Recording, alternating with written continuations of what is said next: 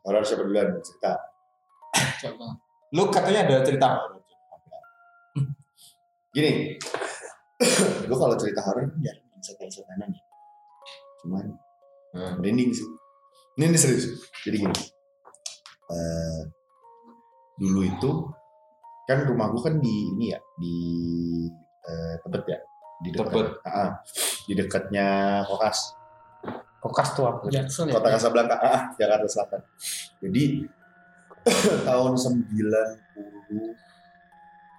kalau nggak salah, ya tahun 94 nenek gue punya teman. Hmm.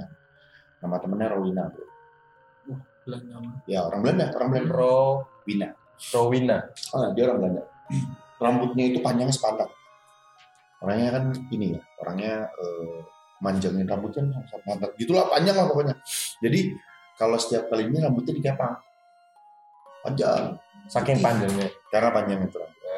Habis itu eh, tahun 94 tahun 95 Rowina meninggal. Hmm. Rowina meninggal ya udah tua. Oh, udah tuh. udah tua dia meninggal Eh, dikuburin di Menteng Pulo di dekatnya kalau Hotel Parkland tau eh, kota Casablanca sana dikit ke arah terowongan Casablanca nah Hmm. di situ eh, udah tuh dikubur dikubur kan ini kan ya orang kan orang apa orang Katolik jadi kalau dikubur kan pakai peti Hmm. Iya, iya. dikubur pakai peti Ya, terus katanya itu- dimandiin dulu. Ya kan dimandiin, dan yang rapihin bajunya ya kan pakai baju gaun cantik. Terus rambutnya itu digerai.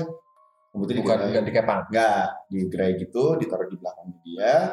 Ditidur gini kan. Terus sampingnya dikasih buku, dikasih barang kesukaannya dia gitu. Udah tuh, itu peti bed kubur. Nah, berapa lama eh, fast forward ini di Menteng Pulo tuh waktu itu Menteng Pulo yang di area Menteng Dalam itu benerin ini benerin jalan. Jadi di depan itu mau dikasih eh, parkiran gitu. Jadi kalau ada yang pernah ke Menteng Pulo pasti tahu kan kalau yang di sebelah kalau kita dari arah eh, kota Kasablanka sebelah kiri itu kan ada parkiran. Ada parkiran buat kuburan itu. Itu dulu belum ada. Itu dulu ah parkirannya belum ada. Itu dulu kuburan. Rowina dikubur di area itu. Nah otomatis kan berarti eh, orang-orang harus di ini kan diakuisisi tanahnya kuburannya. Berarti ngomong sama keluarganya tanahnya dibeli ya kan? Eh, terus rangka atau jenazahnya itu dipindahkan ke mungkin di makam yang sama cuma di blok lain. Hmm.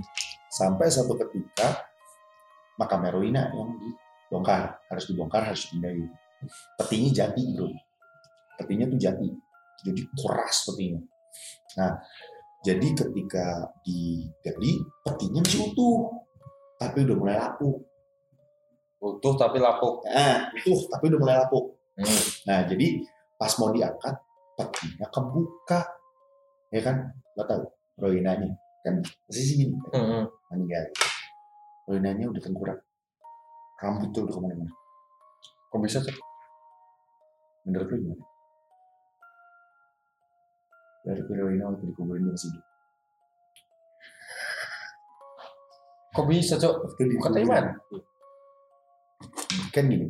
Rowina itu ya mungkin nggak tahu ya mungkin permintaannya dia kalau dia meninggal dia dikuburinnya cepat Hmm. nah, dikuburinnya jangan kelamaan kan banyak yang orang kayak gitu gue nggak mau pas meninggal tungguin lama-lama males gitu kan jadi mungkin dia nggak disuntik formalin dia nggak apa mungkin juga dia mati suri Who knows? ya Ya banyak yang juga. jelas kan ada kejadian kayak gitu intinya ketika Rowina dikubur Rowina masih hidup berarti Itu udah berapa lama tuh di oh gue lupa berapa sampai pas pembongkar. pas pembongkaran. Nah, gue lupa kalau misalnya pada tahu mungkin kapan pembongkaran itu.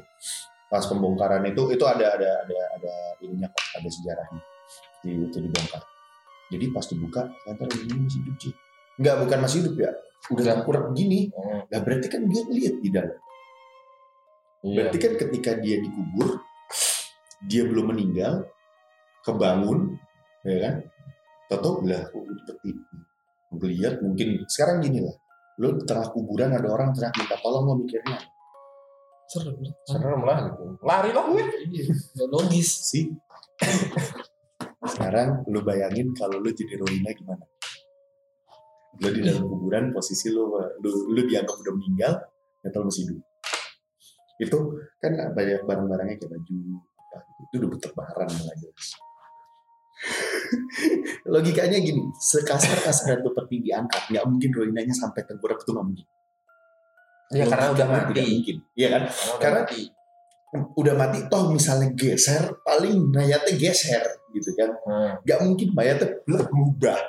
Iya kalau tangannya tuh nggak kaku. mungkin. Kan. kan kaku.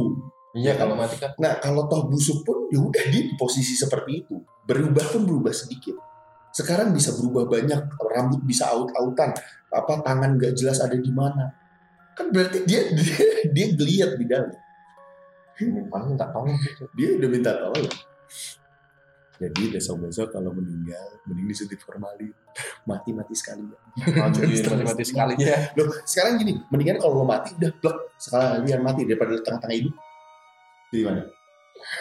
Sama aja ya nanti kalau gitu. Ya ujung-ujungnya lo akan mati Mati juga. Toh juga lo akan mati. Kalau Lo udah dianggap langsung mati di situ. Iya.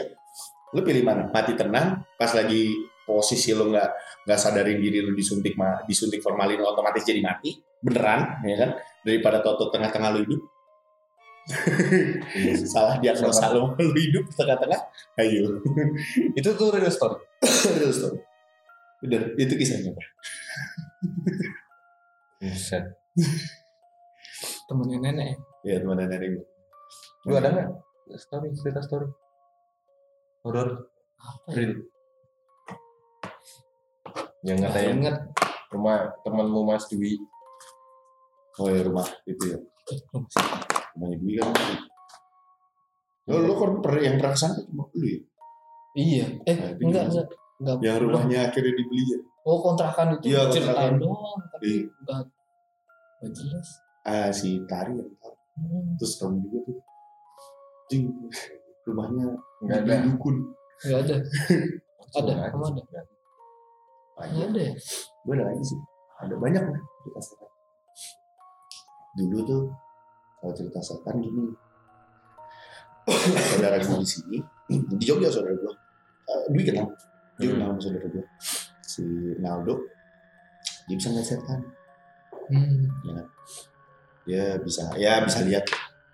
Tahu-tahu eh apa tahun 2011 kayak 2011 rumah gue mati lampu. Di Jakarta tuh. Hmm. nenek gue waktu itu kan udah nggak bisa jalan ya kan? Nah kan otomatis nggak mungkin di jalan. Nah si saudara gue lagi tiduran di sofa. Gitu Tapi dia di kursi roda. enggak di kasur. ya kan kadang-kadang ya kalau pas jalan juga pakai kursi roda itu juga kita bantuin. Posisi saat itu gue lagi pacaran tuh.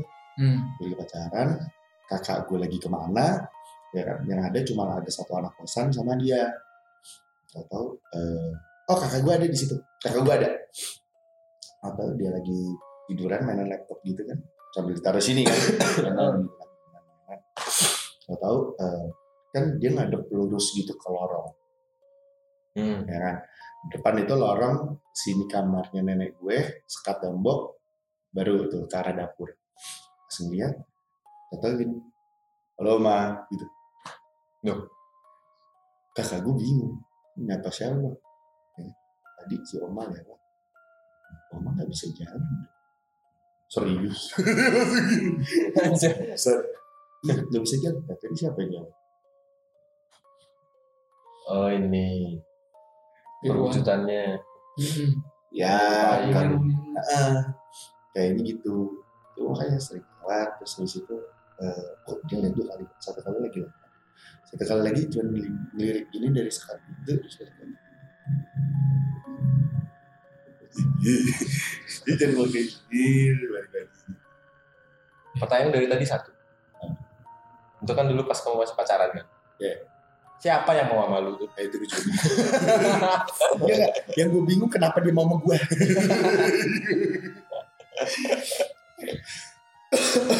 guys. Hmm. Yuk.